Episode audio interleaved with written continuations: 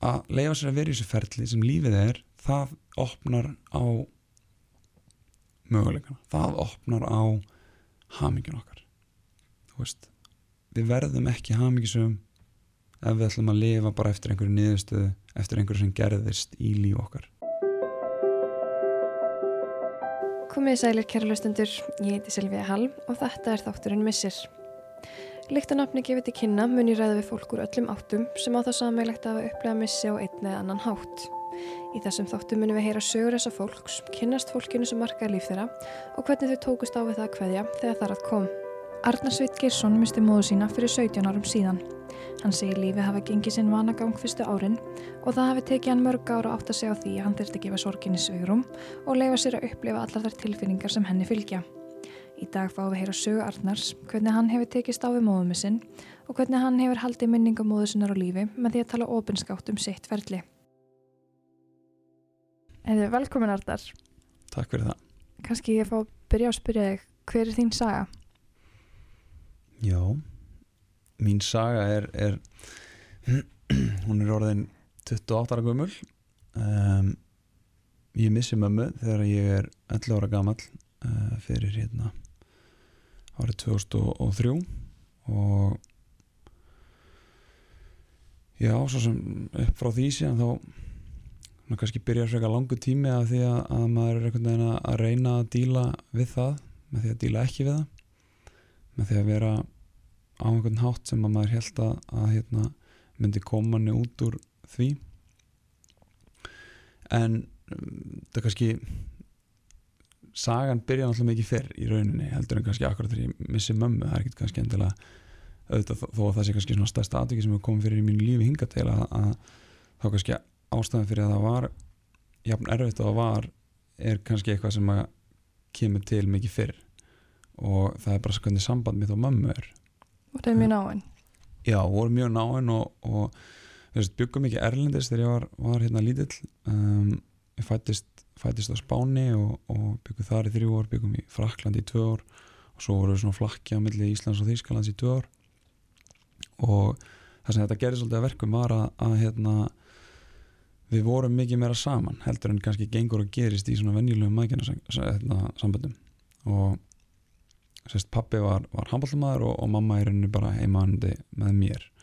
Svolítið að, að hérna, sjá um lilla prinsinsinn og, og gerði það svo sannlega uh, sem gerði kannski að verkum að, að við örðum örðum mikið meira heldur kannski bara svona mækinu, örðum bara miklir vinir. Og þess vegna var kannski áfallið þeimun meira. Uh, hún greinist fyrst með krabba með 93 og þá er ég tveggjara gamall. Um, og maður alltaf ekki eftir því.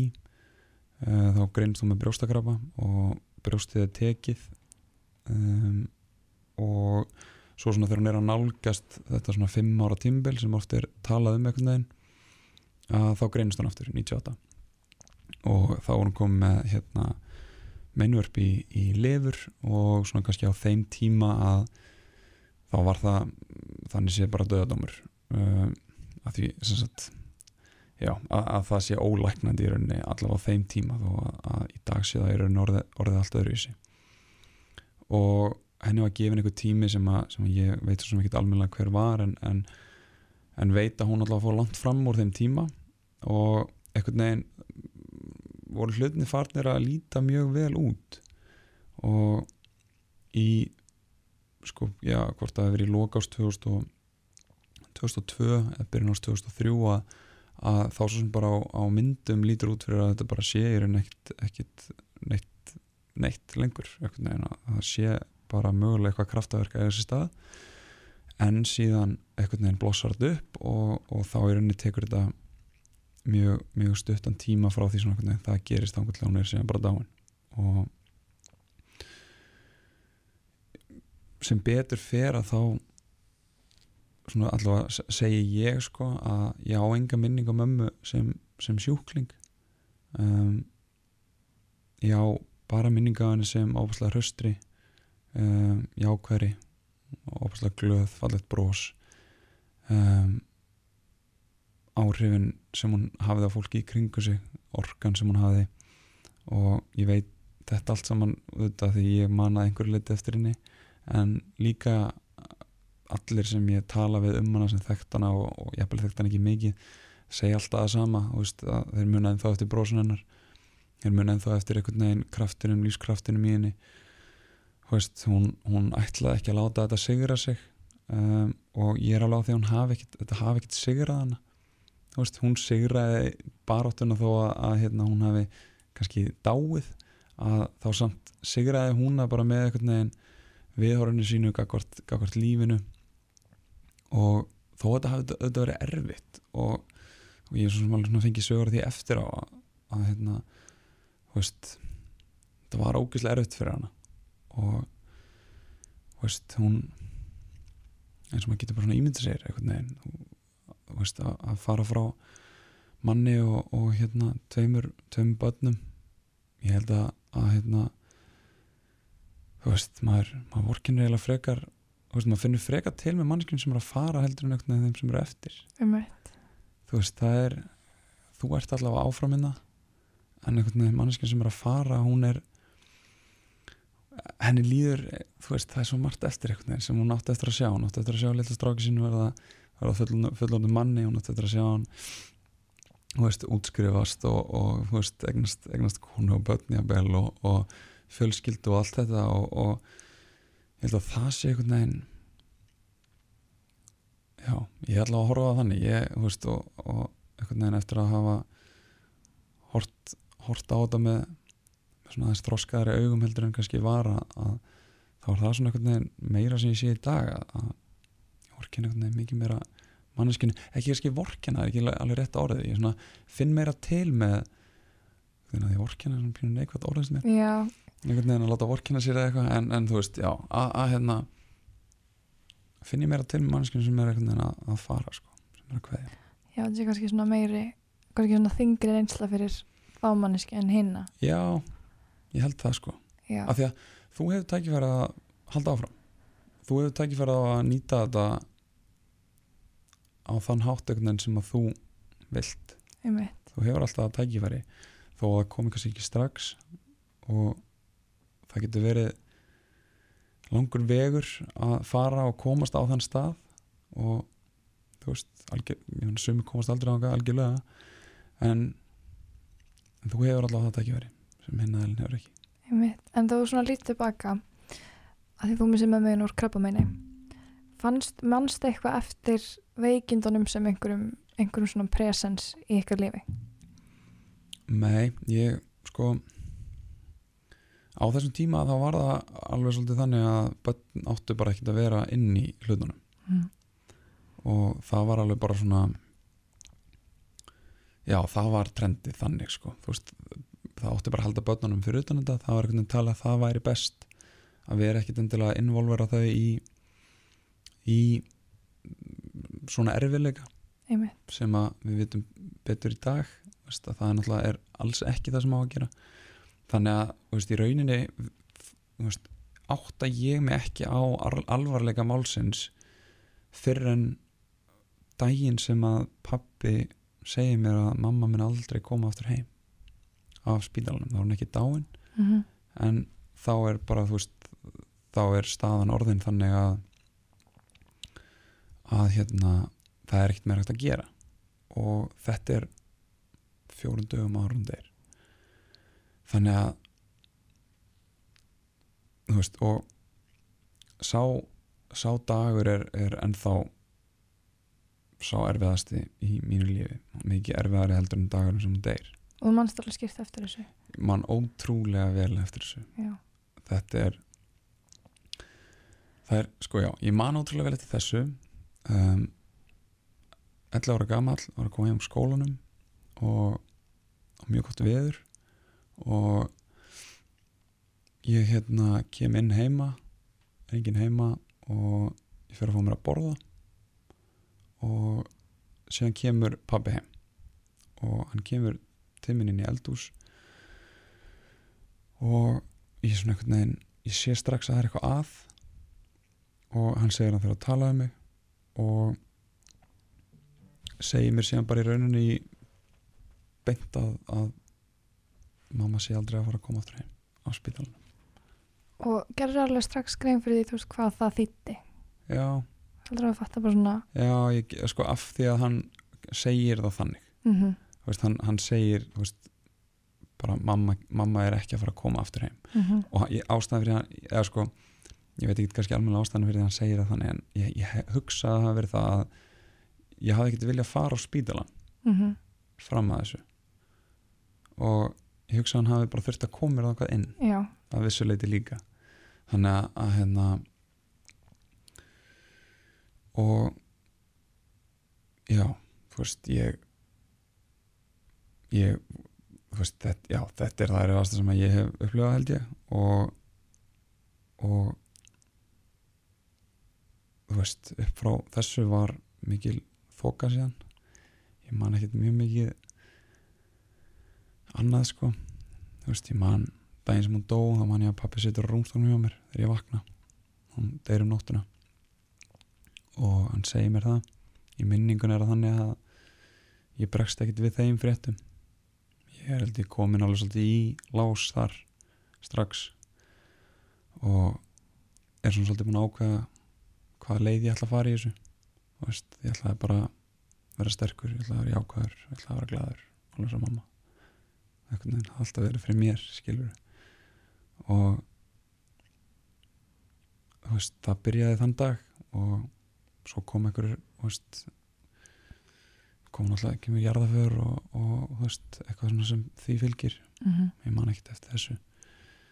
Já, eina minningur jarðaförni það er tróðfull Hallgrímskirkja af fólki sem að mér finnst ótrúlega góð minning. Mhm, það er einhvern veginn ekki einhver þjóðþægt manneskja heldur bara fólk sem að hún hafi bara snert á lífsleginni mhm, sem einhvern veginn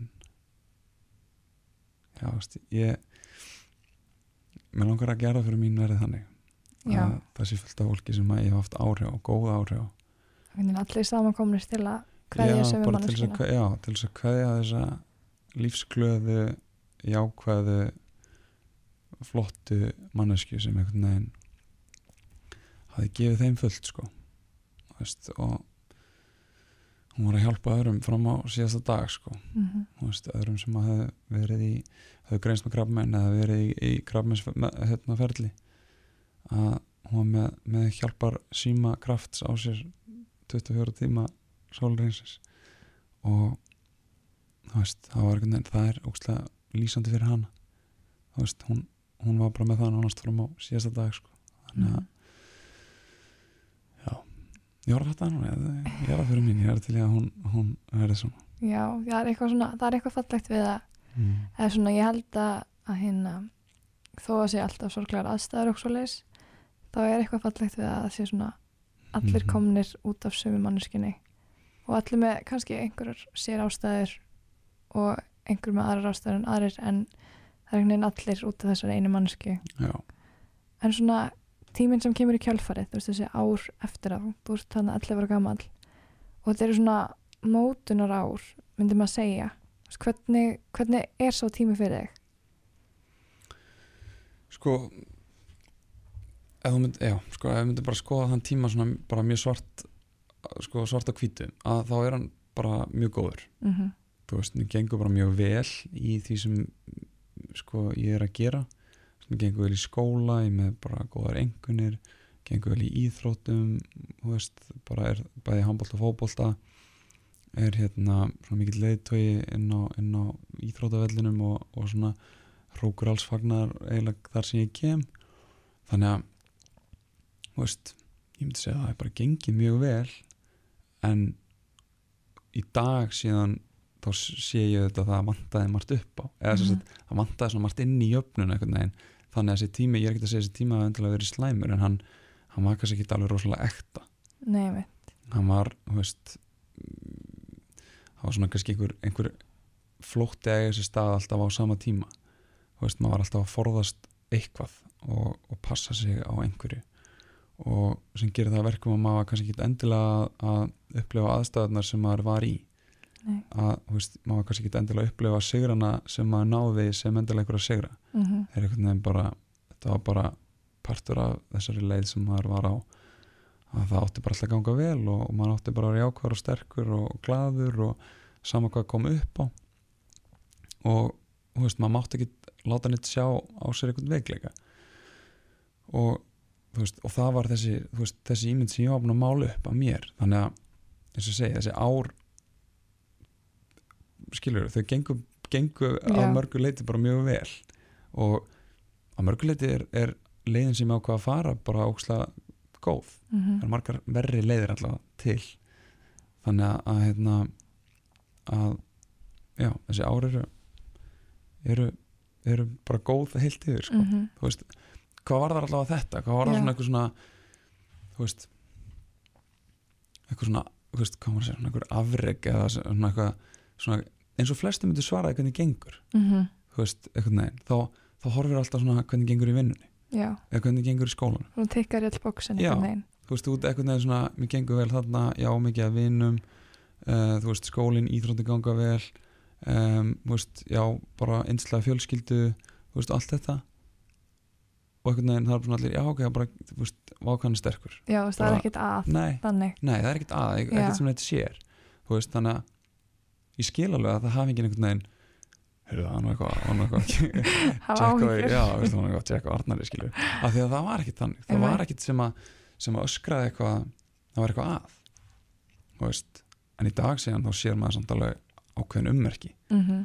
þú veist, þegar maður byrjar að spóla hans tilbaka og pæla í þessum árum þá þú veist lendi oft í því heima, ekki oft en komu atvik heima það sem ég missi algjörlega stjórnarskapin mínu gagvart, stjúmaður minni, gagvart pappa uh, og bara út á eitthvað svona veist, bröðristinn virkaði ekki, skilur og það var bara einhvern veginn það sem að fyllti glasið mitt og einhvern veginn og ég varð bara að koma mér aðeins aftur þannig að það væri ekki alveg tróðfullt veist, þannig að ég svona aðeins öskraði eitthvað og brjálaðist og svo var bara búið. Og líka kannski þú svo vannur að allt væri bara lægi Skilur, þá var Þá kemur svona smá hlutið kannski úr jafnvægi. Já, já og mér fannst líka gott að, eða skilur, ég nýtti alltaf tækifærið þegar að það var eitthvað sem að ég sem, sagt, sem, að, sem var eitthvað svona algjörlega hafði enga sko, merkingu fyrir einnin einn einhvern Mhm. veginn, að bröðuristin sem byluð það skiptir engu máli practically, þú veist.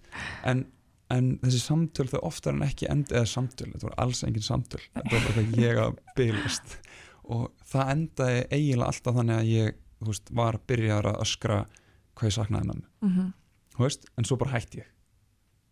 Og bara, herri, wow, hérna höldum áfram, Einmitt. Þetta er búið veist, En hvernig kemur þá sá tímapunktur og þá hugsaðir er ég þarf kannski að tækla þetta eitthvað sérstaklega?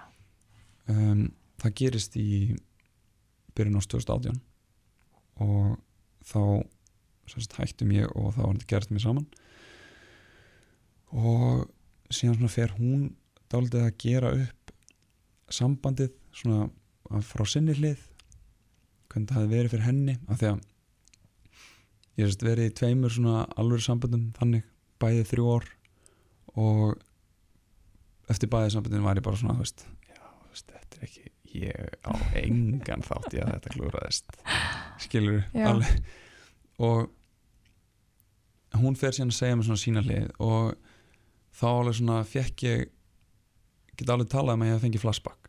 Mm. Af því að ég var búin að heyra þetta allt áður frá kæristunni þar á endan eiginlega nákvæmlega sömu hlutir. Veist, ég var fjarlægur ég bara þú veist, einhvern veginn hætti að gera hlutina sem að hún dyrkaði við mig og ég svona basically var bara frekar leðalur einhvern veginn, ég var bara kaldur og og hérna og ég svona einhvern veginn greip það allt í hennu þetta gæti ekki verið tilvílun veist, það, það, það, það lítur að vera eitthvað þarna sem að er eitthvað mögulega það sem ég mögulega var eitthvað að klikka. Já, að þú veist, ég hafa kannski ekki alveg jafn fullkomin og ég er svona einhvern veginn helt þannig að ég kjálfæra á því að þá sem sagt yfirmaður minn þar sem ég vinn konan hans er sálfræðingur. Og hann svona einhvern veginn sá bara að mér leiði ekki vel. Og ég var líka bara, þú veist, það kemur oft bara fram í hæðunum mann sem, þú veist, ég var bara að mæta seint og, og þú veist alls konar svona hluti sem hann einhvern veginn svona bara pikkar upp örgulega því að konan sér sálfræðingur þannig að hann svona einhvern veginn hérna, spyr mér síðan brændanum hvort ég vil koma hitt hana. Og ég einhvern veginn svona hafði alveg farið til sálfræðinga áður og einhvern veginn bara fýblaði það upp á skónum og tjekkaði síðan í það box og Mhm. einhvern veginn held áfram bara en þarna var ég svona allt í einu, herru, skoðum hvort það sé eitthvað að. Þú veist, eða, eða sko, ekki nefnilega hvort sé eitthvað að bara heldur hvort það sé eitthvað sem þurfa að skoða. Mhm, hvort sé eitthvað sem ég þurfi alveg aðeins að pæla í. Þú veist, að því að ég spurði alveg spurninguna langar ekki að eignast konu? Þú veist, fjölskyldu. Og ég, þú veist þegar að ég skoðaði bara rökinu þá var það ekki að fara að gerast ef ég myndi halda bara áfram að gera það sem ég er að gera. Mhm, þannig að ég, veist, það var eiginlega það sem veginn fekk mig til þess að, að fara með opnum hug, það var einhvern veginn þú veist, annarkvort gerir það eða þú verður í vesinni mhm, og þá fer ég þangað. Og þú veist fyrsti tíminu var svona bara eins og bíómynd. Það var bara svona einhvern veginn bara eins og augum mín hefði opnast. Þú veist bara, ég, og þú veist þetta er ó, ótrúlega fyndið einhvern veginn að segja frá þessu. Og það var bara svona eins og ég sæi allt í hennu heiminn í lit. Mhm, allt í hennu sá ég bara síðustu 15 ár bara hvernig þau hefði verið og hvað ég í rauninni var búin að vera að gera. Og með er ég ekki menn ég hafa endilega verið að gera eitthvað rámt veist, ég, ég trúi því alveg 100% að það sem ég gerði það var eitthvað sem ég þurfti að gera. Og ég þurfti bara að fara sér leið hún kom mér á þann stað sem ég var þá. Mhm, og ég er ekkert vissum að einhver annar leið hefði komið mér á okkur betri stað. Þannig að, að ég er alls ekkert eitthvað ég sé alls ekkert eftir tímanum. Og allan að tíma þá, þá er fullt af undirbúninga eiga sér stað. Þá er fullt af hlutum sem ég er að sanga að mér sem fóru bara í einhverja geimslu aftast í heilunum sem bara svona einhvern veginn ég notaði ekkert. Mhm. sem að, síðan allt í henni þegar komaði að ég þurfti á, eða ekki þurfti heldur vildi opna að þá var ógslag mikið að verkfærum nú þegar til staðar. Ég hafði fullt af þekkingu og ferðlega einhvern veginn, bara ferðalega það bara svona ég bara fór alveg á fullt. Það var byrjað. Já, þú veist, ég fór bara í bara, hérna hraðlestina bara af stað skilur og einhvern veginn bara sá bara fullt af stöðum og þú veist, sem að þannig að þessi tími, þessi 15 ár alls ekki eitthvað sem fór til spillis bara alls ekki, fullt sem ég lærið á þessum tíma fullt sem að ég, þú veist, á enn það í dag sem ég er ennþá að læra og, og hérna já, þannig að að það var svona, það er þessi tímpúntur sem kemur en þú veist það er, ekki, það er, það er svo langt, það er svo margt þannig undan sem að þú veist, sem að spila allt inn í sem Mhm. að gera það að verkum að ég er tilbúin allt inn þarna, já, og núna ert þú hérna pislahundar ársins á Ísi. já, varst valinn það í lók síðasta árs. Já, eða varst það með vinsalasta pistilinn. Og árum kannski komum að þeim tiltekna pisli mhm. þá hérna þá var þetta helst ekkit fyrsti pistillinn sem hún skrifaðir Nei. um, segja mér kannski aðeins frá skrifunum og af hverju þú byrjaðir að skrifa um missi mm sko þetta byrja bara þannig að að hérna já, frábæra sálræðinu mínum hérna, sem að hefur hjálpað mér svo mikið. Um, að sérst, svona eina leiðanum sem að mér hefur alltaf þótt gott að gera er að skrifa niður það sem ég er að hugsa. Og ég hafði alveg gert það svo sem áður en ég hafði farið til sálræðings en það var meira bara svona einhvern veginn ég veit ekki af hverju ég var að gera það. Þú veist, ég vissi það örgulega mm en ég þóttist ekkert við það. Svo einhvern veginn bara svona litið það sem bara fara. Og þannig ég byrjaði að skrifa um bara svona þær hindranir sem ég var að, að mæta í þessu ferðalagi sérst, með henni sálfræðingnum. Og og ég síndi henni það. Og hún spyr mér síðan hvort að hún megi nota bara nafnlaust nota þessi skrif til sagt, í, í sínum tímum með öðrum. -hmm. og ég sagði bara já, bara ekki málið bara guðum góður ef þetta getur hjálpað bara frábært og þá allt í hennu fór ég að hugsa ást, ok, hún sálfræðingur hún telur að þetta getur hjálpað einhverjum öðrum. Átamögulega þá bara við fleiri. Mm þannig að við hefum það spjall sem enda síðan í því einhvern veginn að hún bara svona stiður mig í því. En þú veist, segir mér þetta bara svona að passa mig veist, passa vel upp á mig fyrst og fremst veist, að þetta má ekki fara að snúast um einhvern annan eða, eða snúast um það að þú setja þóknast einhverjum öðrum veist, að þetta sé alltaf að ég, ég að gera þetta fyrir mig. -hmm. og þannig byrjar þetta. Síðan þekki ég hérna, hérna sem vinnur á, hjá vísi. Og ég spyr hann bara heldur að þetta sé eitthvað efni pistil? Sem var fyrsti pistil sem ég man nú ekki samt hver var.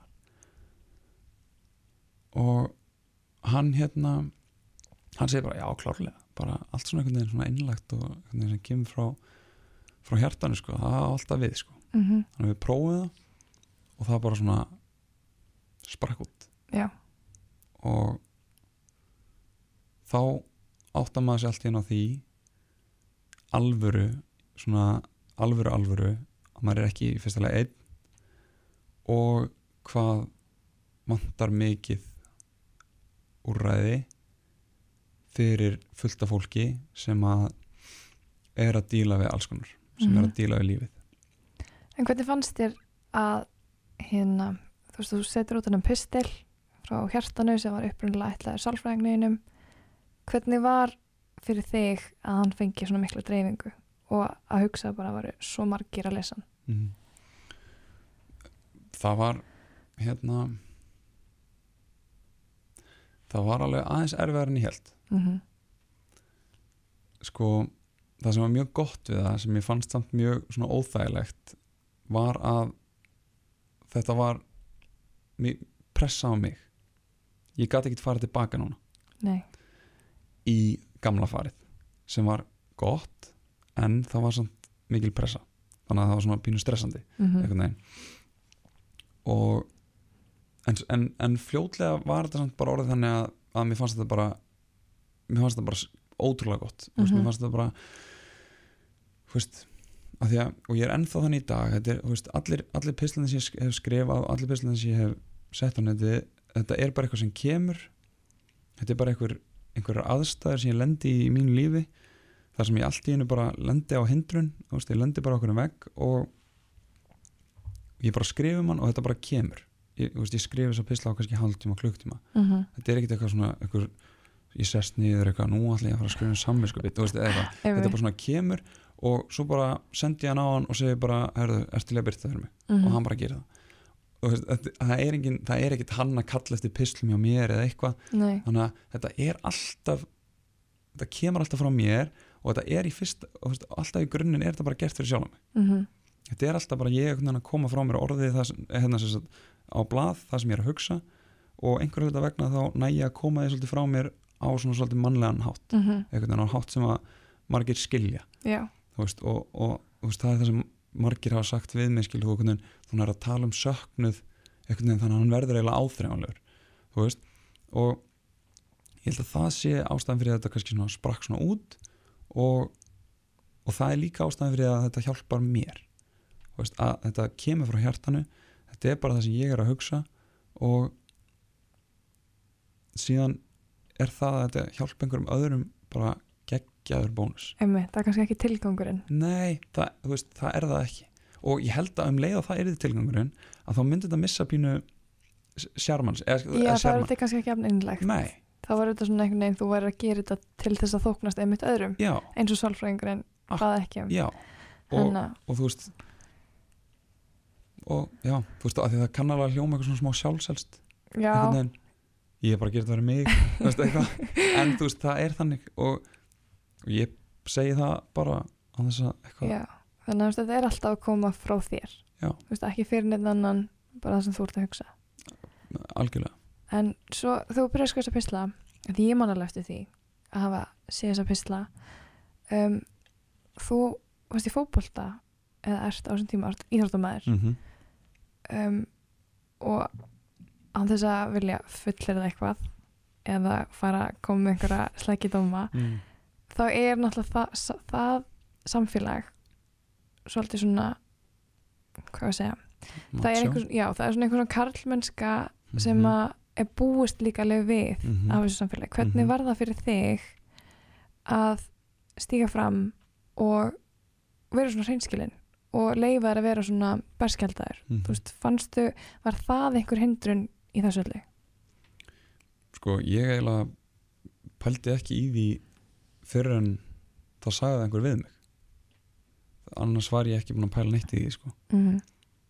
og ég fekk bara jákvæð viðbröð viðbröðum voru samt ekki mjög mikil það kom eitthvað svona maður komin í glefa eitthvað svona þú veist, maður fekk kannski frá einum eitthvað geggjaðu grein eða eitthvað, en Mhm. aðalega fekk maður bara skilabóð já, af því að síðan var þetta bara mjög lítið rætt þannig að, að hérna, en ég, þú veist, ég bara fengi jákvæð viðbröð úr íþróttaheiminum mhm, og ég held alveg að þetta svona þetta er alveg örugglega hrist upp í einhverjum af því ég hef alveg talað pínu um klefastemminguna mhm. Þú veist, um svona hvernig hún er og og svona, þú veist, hún er kannski ekki alveg frábær og hún er ótrúlega góð að mörguleiti þú veist, er líka, það er líka nöðsilegt að geta sett vegginu upp mhm, og þú veist, að verkefni sem er í gangi. Það, það er mjög mikilvægur eiginleiki sem við megum alls ekkert glata. Þetta má ekki vera þannig að bara veggurinn alltaf niðri og við erum alltaf veginn bara berskjölduð. Það að geta varið sig er ótrúlega mikilvægt líka. Þannig að megum ekki gleyma því, það er ekki bara vond að maður geti sett upp veggin og brosaði ekki ennum tárin sko. þannig að, að hérna að mörguleiti er hann mjög góður en þú, það, sem, það, sem að, veist, það sem þarf að gerast og það sem verður að koma meira inn í þetta er að þú veist, það þarf að vera smá rými fyrir það að maður finnir mögulega aðeins til. Mhm, og þú veist, að, að það sé ekki alltaf þannig að þú fyrir að koma á æfingu og vera betri en þú varst í gær að því stundum var bara dagurinn ógslega lélur og það er ekkert endilega eitthvað að þú mistir fóreldrið veist, það getur bara verið hvað sem er. Það er allir einhvern veginn að díla við alls konar. Það er allir að díla við lífið sem er bara oftar en ekki bara drulluperandi þannig að þú veist þú þarft að hafa það rými að það sé ekki alltaf allt í veginn. Og það vantar alveg klárlega. Þetta er mjög svona yfirborðskendur heimur að miklu leiti og ég er 100% þáttakandi þar í því. Og er það ennþá í dag þú veist, en maður er, samt, maður er kannski orðin aðeins auðmingri, já, kannski meðvitað um það líka.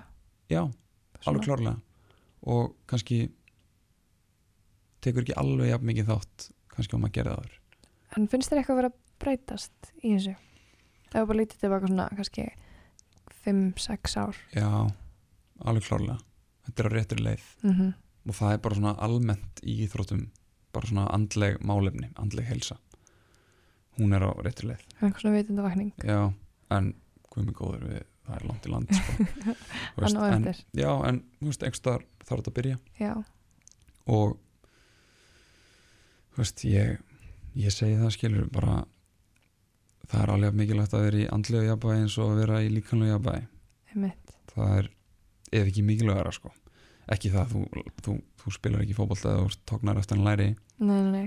en þú spilar heldur ekki fótbolta eins og þú getur ef þú ert eða líður illa það er alveg bóttið En kannski svona aftur að þessum fræga pisli sem að tók hann á fyrsta sæti í fyrra.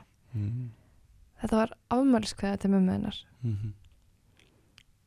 Svona, það er ákveðin punktur í þessu sem að setur eftir í mér. Sem að er einmitt það sem langar að ræða. Mhm. Hvernig upplifir þú svona daga í dag? Svona, svona stór, þú veist, oft talað um jólinn og svona. Mhm. Svo hvernig er þetta fyrir þig? um,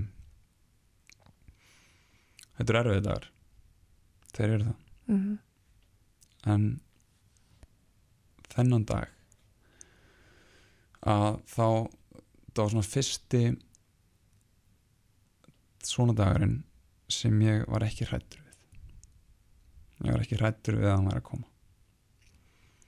Og það var ofbáslega mikill léttir. Bara það. En hann var ekkit hann var ekki auðveldur. Nei. þú veist það var ekki það var ekkit endilega gaman að ég gæti bara skrifa afmælskveðina í pisli þetta langaði mig að segja það við hana. Og þú veist svona dagar verða aldrei auðveldir. En þeir verða öðruvísi. Og það er það sem ég fann núna í fyrstskipti hann var allt öðruvísi hann hafi verið árin þar á undan.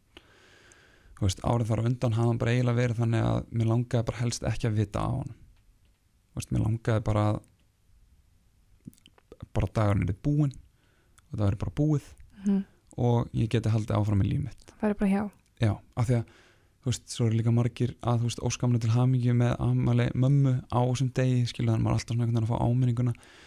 Og guð mig góður hvað það kemur alltaf frá góðum stað Mhm. frá öllum sem gera það og, og það gerir ekki hlutina verri þú veist, en það, er bara, það gerir það pínu erfiðari. Mm og að, sko, af því að maður er ekki af því að maður er sjálfur ekki á nægilega góðum stað en þarna í fyrsta skipti gæti ég einhvern veginn bara svona tekið á móti þessum degi og þú veist hugsa um hana og þú veist leift mér að einhvern veginn ímynda mér þú veist eins og ég sagði í þessum pisli þú veist ímynda mér hvernig dagur okkar hefði verið. Og þú veist það er bara það er bara mjög erfitt sko en ótrúlega gott. En svo sko viðtökunar hvað að ég er alveg búin að hugsa um þessu líka. Ég er sjálf að gera þætti um sama konsept mm -hmm. hvað heldur ástæðan sé fyrir því að þetta einmitt fær svona mikla dreifing og fær svona mikla, fyrst, heldur að sé þörf á því að við tölum meira um þetta eða? Sko hún er klárlega til staðar held ég, ég held að það hérna sannig sig besti því að það sé einhver gaur út í bæ að skrifa pistla um, um hérna, einhver erfiða hluti og þeir hérna, og fólk lesi þá. Mm og sé að deila þeim og, og hérna og alls konar. Um, þannig ég held að það sé klárlega. En þú veist, ég held aftur bara ég held að veist, ástæðan fyrir að þetta fer í þessa dreifingu og, og sko er einlagnin það er að þetta kemur frá mér og það sjá allir að þetta er veist, þetta er svona eiginlega eins og ég hefði bara verið að skrifa mömmubrif -hmm. og einhvern veginn sendt það einhver til himna. Já, skilur hún eða ekki afrita af hérna af brífunu og ég held að það sé ég held að það sé það sem gerir það að verkum að hann hittir svona í mark hjá fólki. Hann, að því hann snertir fólk. Mm og það, þetta þetta þyrlar upp í einhverjum tilfinningum hjá fólki. Og um leið og þú nærð einhvern veginn að snerta fólk á þann hátt að þá farið fólk til að hugsa. Og þú veist það var, það var sko það var tvent sérstaklega sem gladdi mig við þennan pistil og viðtökunar það var annars vegar það að hann var mest lesna frétt dagsins á vísi. Og það er ekki endilega eitthvað af því að eitthvað, það er einhver mælstón sem ég vildi ná heldur að mér fannst bara svo gaman að afmæliskveða til mömmu að hann hétt bara til hamingi með afmælið mamma. Já, að það var mest lesna frétt um, 17 árum eftir hún dó.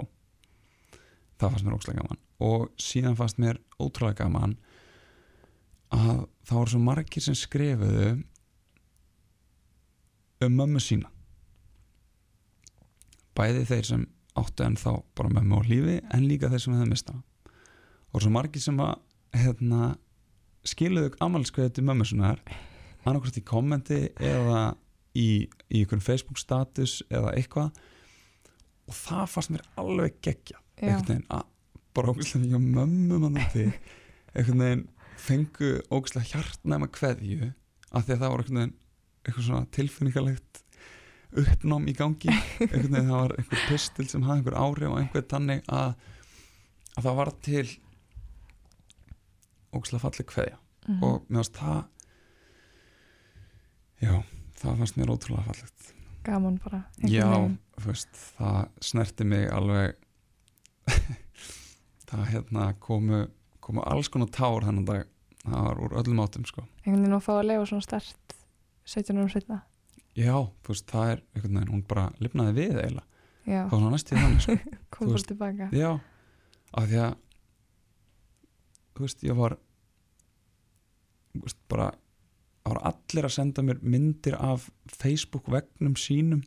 Það sem einhvern veginn voru bara að sjá bara fullt af fólki sínu Facebooki vera að deila greininni einhvern veginn hvað þau voru að segja og þetta veginn, já, þetta bara færði hann einhvern veginn til mín. Að ég, að að ég var bara konstantli að hugsa um hann allan daginn. Mhm. veist, og og þetta hvernig ég, veist það var svo fyndið þegar ég var þegar ég var að skrifa pistilinn að þá sagt þegar ég skrifa um það hvernig ég held að dagurinn myndi vera að þá hvernig en veist, það, það bara kom og svo hvernig fór ég að hugsa út í og ég var svona vá, þið gerðu ekki neitt. Var- þið gerðu ekki neitt saman af því að þetta var bara þannig að ég vaknaði, fór í bakari kipti líka kókupuffs og svo bara kom hún í heimsókn og við bara sátum og við bara töluðum saman. Þá hann hún þurfti síðan að fara aftur. Mm og mér fannst, þú veist mér fannst það síðan svo fallegt að það var dagurinn sem ég myndi óska mér. Þurfti veist- ekki mikið til? Nei, ef, þú veist, ef ég fengi hennan eina dag mm þá væri hann svona. -hmm. hann væri bara um ekki neitt þú veist, við værim ekki að fara í keilu. Eitthvað. Heldur bara, væri við bara saman. Og ég væri bara einhvern veginn að segja henni frá mér sem fullorðin manni og kynnast henni sem fullorðin maður. Mm einhvern veginn og já, það hafi bara verið nóg. Já, já, það myndi gera óbúslega mikið fyrir mig. En svona ef þú horfir svona á þig og með hvernig hún talar um mömmu þína og allt þetta þetta er eitthvað svona mjög stór partur að það er og skiljanlega mm -hmm. er eitthvað í þér í dag sem að þú heldur að sé á þann hátt einmitt út af þessu. Eitthvað viðhorfið, eitthvað. Heldur að væri eitthvað öðruvísi þér. Eitthvað sérstak og sérst út af því sem gerðist. Já. að mamma dó. Já, um, já, fullt af hlutum sko. Já, þú veist ég er með mjög mikla þraut segi þú veist, ég, það, ég kemst í gegnum allt mm sem er óbúslega mikill kostur það getur verið líka galli ef maður fer ekki rétt með það. En veist, í dag er það bara mikill kostur. Um, og í dag náttúrulega er það líka þannig að ég er orðin mjög opinn auðmjúkur gagvart þessu. Veist það sem það er ógustlega skrítið að segja þetta en ég eitthvað neginn og ég, ég er kannski ekki alveg komin þangað en mér langar ógustlega mikið að komast þangað að ég geti elska það sem gerðist. Mm og það er ótrúlega skrítið að segja það að ég geta elska það að mamma dó en ég vil geta gert það. Af því að ég veit að ég get ekkert gert í því. Ég veit ég get ekki breytt í því ég veit ég get ekki farið tilbaka í tíman og eitthvað. Þannig að það, það er bara búið að gert. Og það sem að þetta gerði í, semst, við líf mitt er svo manneski sem ég er í dag. Mm. og svo manneski sem ég er í dag er ég ófslega gladur með. Þá fullt eftir að gerast. Og vonandi löng leið eftir. Og en einhvern veginn þú veist, e ef að þegar að, að kemur að því að maður kveður þennan heim ef ég get sagt að ég hafi leift mér að vera bara leift mér bara að vera til staðar leift mér bara að líða eins og mér líður að þá veginn veit ég að ég hafði góð áhrif á þá sem er í kringum mig. Þannig að mér langar ógustlega mikið að geta komast þangað að einhvern veginn horfa á það að þetta gerðist er kannski það besta sem kom fyrir mig af því að það varð að koma fyrir mig. Æfattur af mig, af því að það er svo skrítið að tala um að þú veist þetta sé að besta sem kom fyrir mig af því að þetta er það versta sem kom fyrir mig. Einmitt. En á sama tíma að af því þetta gerðist að þá mögulega samt er þetta það sem, það sem einhvern veginn gerði mig að þeim sem ég er í dag. Já, já, ég vona að fólk skilji hvert ég er að fara já, að náttúrulega horfa ekki á mig en þetta er samt alveg svona skiljanlega afstæða sko ef ég kom með eitthvað þú veist, input þú veist, þú farast ekki breytt Nei. og þá er einmitt kannski einmitt það besta í stöðinni að gera það besta á stöðinni já, fattarðu mig? mm -hmm. en, eh, en, en núna eins og tala um þessi pressa sem fylgir því að skrifa pislanum þetta og vera að þú einhvern veginn setur þig í þá stöðu að, að vera eitthvað svona vil ekki segja veist, andlit fyrir þetta veist, það er alltaf margir sem hafa fjallað um þetta. Mm en hvað finnst þér að fólk ætti að vita um þetta? Hvað hafið þú sjálfur vilja vita á þeim tíma sem að þú ert að einhvern veginn -hmm. gera þetta allt upp? Þú veist hvað hafið þú vilja hafa í huga Sest, á, á í rauninni á allum sem árum þar sem ég ger ekki neitt. Já, í rauninni. Já, uh, sko Já, stórt er spurt. Sko, í, þú veist, það, sem, það sem ég hefði kannski viljað vita er í fyrsta lagi að hérna, að tala um hlutin mm -hmm. að það gerir mann aldrei slæmt allavega. Og ég hugsa að það gerist oftast gott veist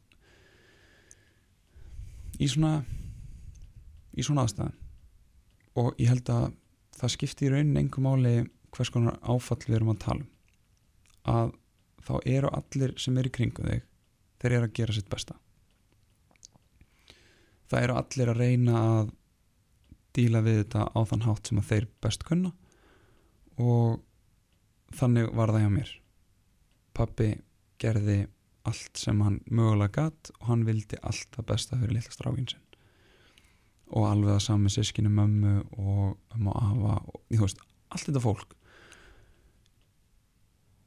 Gerði þetta fólk allt rétt? Nei. En það er ógslag auðvelt að sjá það í dag. Mm -hmm. það er ógslag auðvelt að kíkja tilbaka og hugsa hérna veist, þetta átt að vera svona hefði átt að vera hinsegin, það hefði mátt gera það þú veist, allt þetta, þannig ég held að það sé alveg líka eitthvað sem ég hefði alveg svona svolítið vilja vita þú veist, þú veist að því að ef einhver hefði getað plantaði bara hjá mér og bara sagt mér, það eru allir hérna fyrir þig, það eru allir að gera sitt besta það eru einhvern veginn allir að, að hérna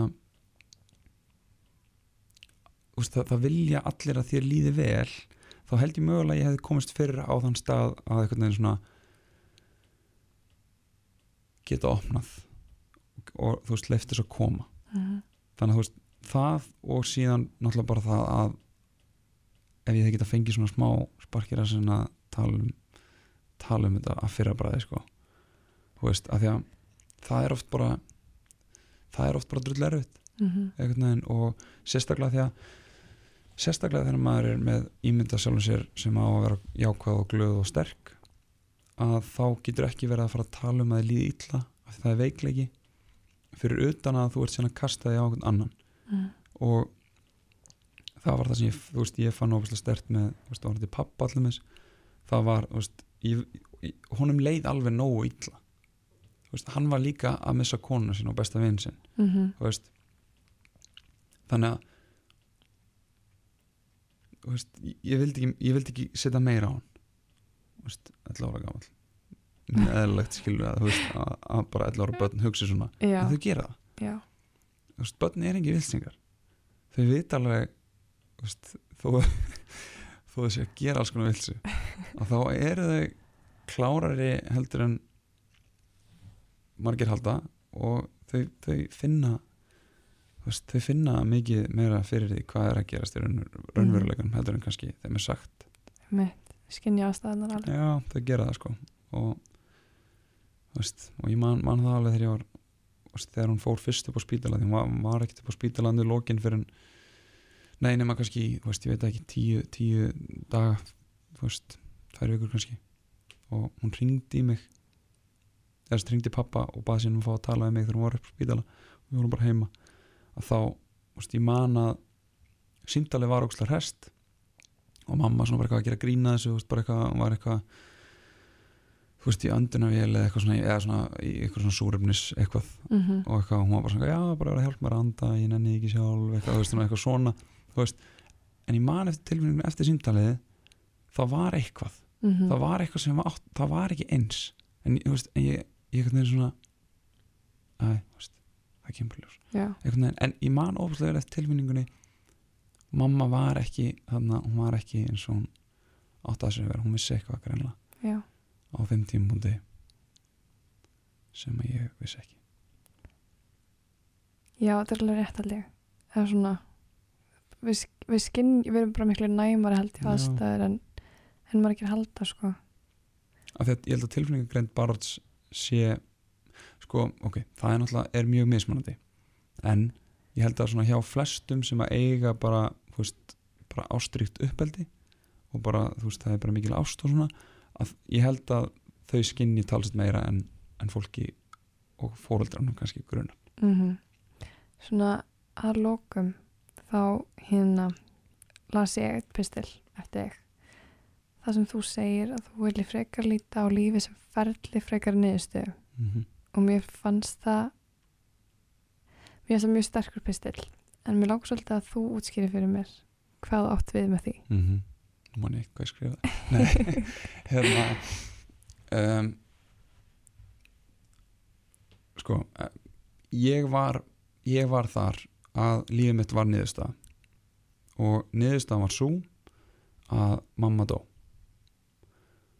Og þá sko þegar maður, þegar maður lifir eftir bara einhverju niðurstöð að, að mamma dó og það er bara hörmulegt að þá er það niðurstaðan þín sama hvað gerist mm -hmm. sama hvernig lífið þróast. Og það er ekki drými fyrir neitt þegar niðurstaðan er komin ef þú komið einhverju niðurstöðu í einhverju máli í einhverju stærfræði dæmi Mm þá, þá er það niðurstaðan og hún, hún breytist ekkert. Veist, bara fjóra pluss fjóri það er bara átta. -hmm. niðurstaðan er átta það er ekki að fara að breytast.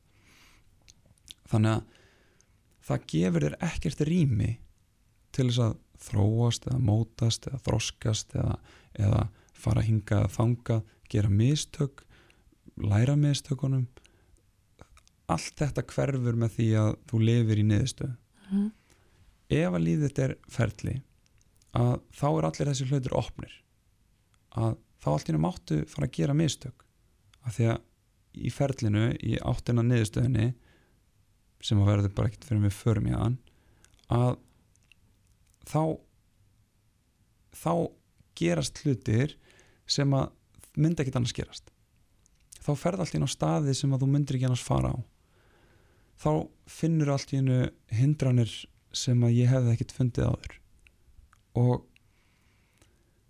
með því að vera í þú veist, þetta er svona þetta er svona pínu þú veist,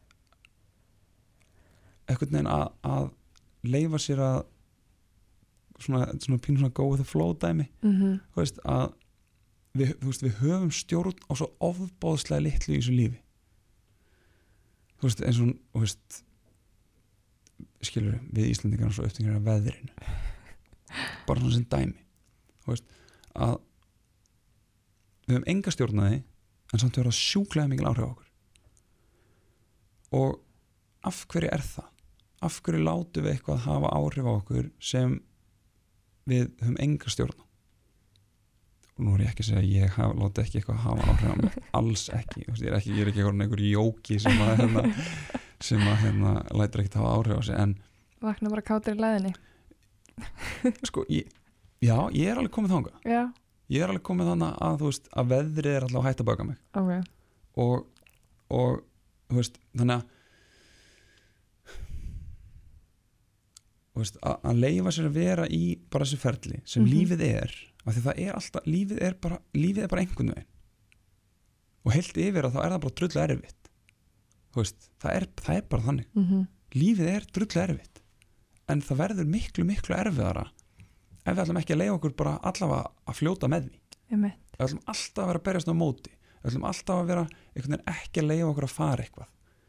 Veist, ég ætla ekki að leiða mér að vera leiður ég ætla ekki að leiða mér að vera sorgmætur eða bara veist, það er líka og það er annað sem ég fann fyrir að það svona mikið pressa í það að vera sorgmætur en síðan allt í einu kom bara eitthvað svona tímpóndur þar sem að það átti náttúrulega að vera búið Já, að vera sorgmætur H- hvort viljið einhvern veginn. Þannig að já, þú veist að, að, hérna, að leifa sér að vera í þessu ferli sem lífið er það opnar á möguleikana. Það opnar á hamingjun okkar. Þú veist við verðum ekki hamingjusum ef við ætlum að lifa bara eftir einhverju niðurstöðu eftir einhverju sem gerðist í líf okkar og, veist, og, og síðan hamingjan síðan er bara eitthvað við erum aldrei að fara að finna haminguna það er ekki þannig segi ég, við finnum enga hamingi. Við bara, ef við lefum lífin okkar eftir gildunum okkar eftir því sem við trúum á eftir því sem að við einhvern veginn horfum á að, að við myndum að vilja aðrir myndu gera fyrir okkur og, og svona einhvern veginn þú veist ef ég horfi á litla bróðum minna þá svona einhvern veginn ég vonan geri þetta. Þú veist einhvern veginn, ef við lefum lífin okkar þannig þá verðum við hamingisum stundum.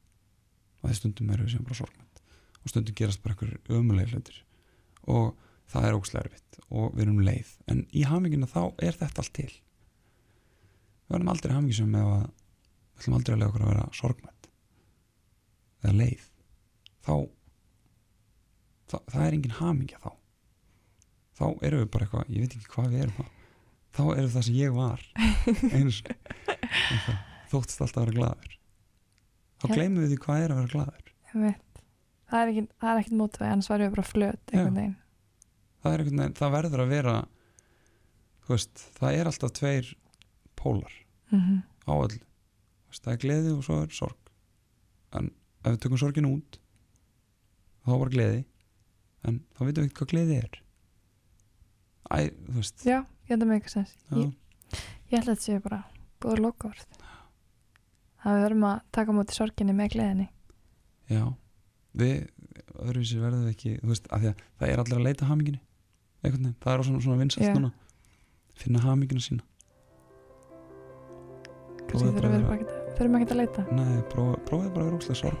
Nei, bara takið á móti því sem það kemur. Leifið að koma og hamingjan hún bara kemur á sjálfkrafa. Ég þakka bara kærlega fyrir komuna Takk fyrir að fá mig